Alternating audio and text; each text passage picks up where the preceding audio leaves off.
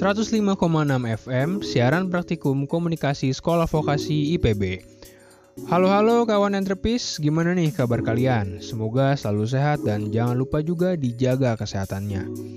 Balik lagi nih bareng gua Fatur untuk menyapa sembari memberikan informasi menarik seputar dunia bisnis, spesial untuk kalian semua kawan entrepreneurs. Tentunya hanya di Entrepi Radio dalam program Bincang Berita, siaran praktikum komunikasi Sekolah Vokasi IPB.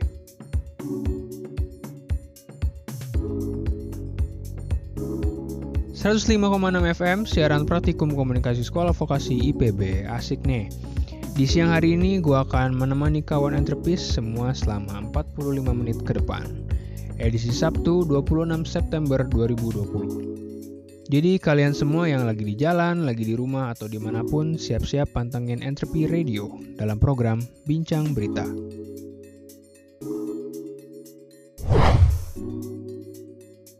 ...105,6 FM siaran praktikum komunikasi Sekolah Vokasi IPB.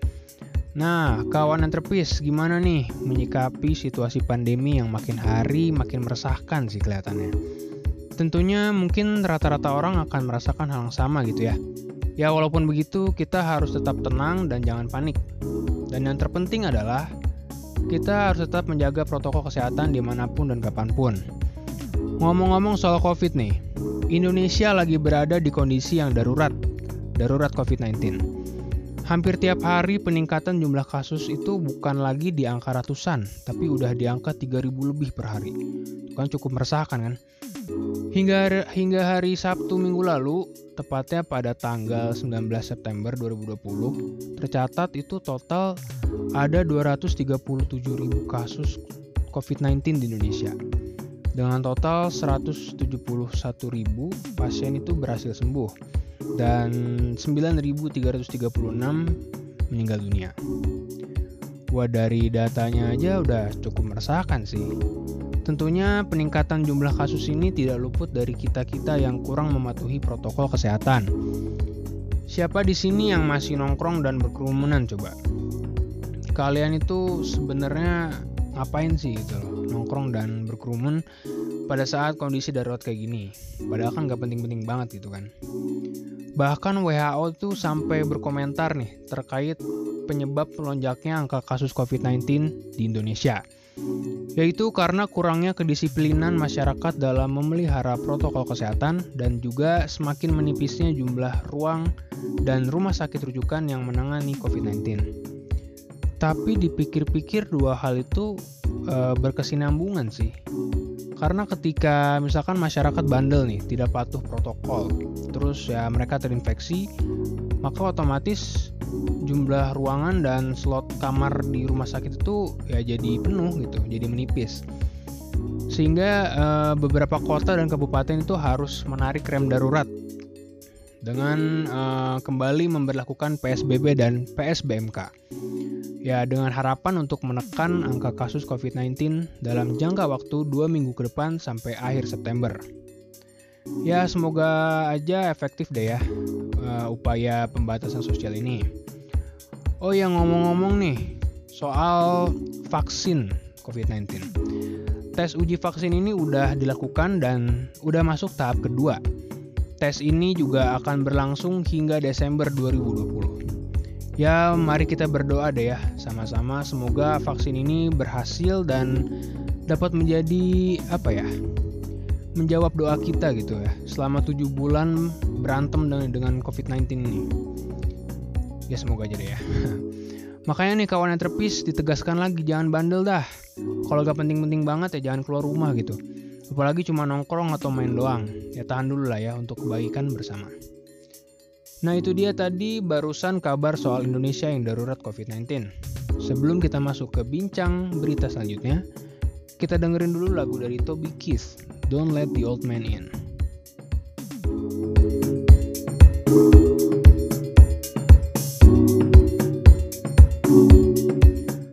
Kawan entrepis, di mana pun kalian berada, jangan pernah lupa untuk tetap menjaga protokol kesehatan seperti selalu menggunakan masker dengan benar, cuci tangan yang rutin, dan selalu berjaga jarak.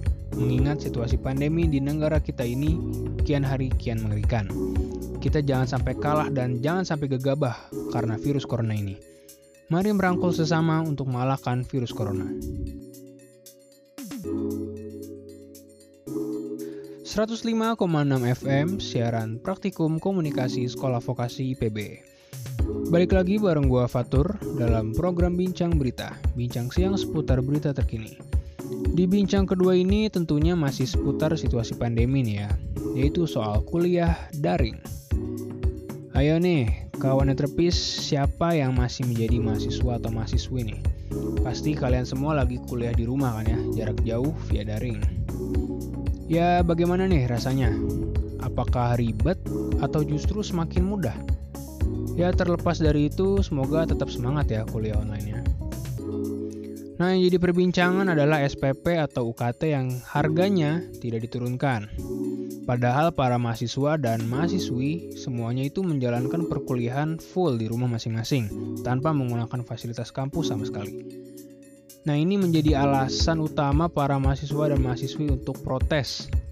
Pasti hampir semua perguruan tinggi nggak menurunkan harga SPP, tapi memberikan bantuan berupa keringanan pencicilan dalam pembayaran SPP-nya atau memberikan bantuan uh, dalam bentuk kuota atau pulsa.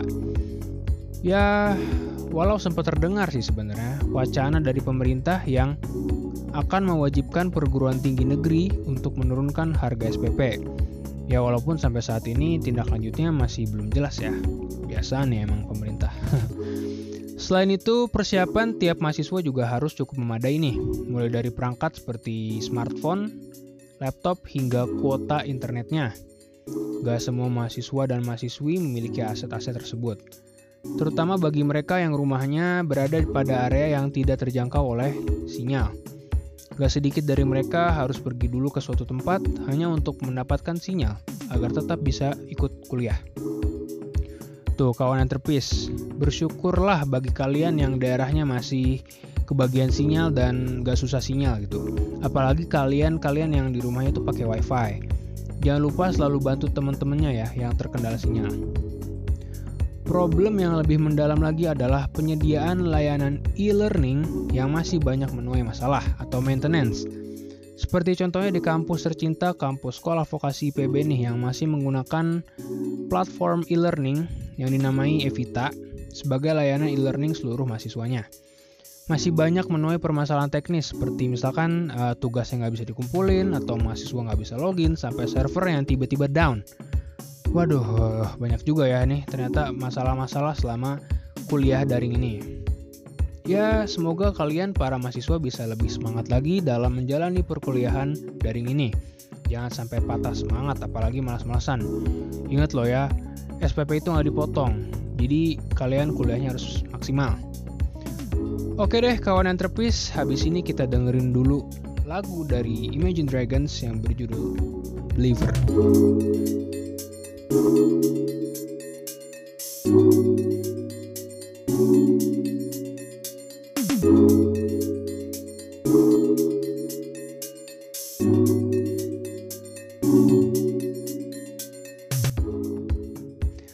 Kawan entrepreneurs, kalian pasti ada dong yang suka banget nonton film di rumah. Apalagi lagi pandemi gini kan bioskop pada tutup gitu. Jangan khawatir, NIS di Plus Cold Star kini hadir di Indonesia dengan berbagai film dan series mancanegara terbaru dan film-film lokal yang akan premier di NIS di Plus Cold Star. Jangan sampai kelewatan. Periode pre-order seharga 30.000 untuk 3 bulan. NIS di Plus Cold Star, giving the best cinematic experience.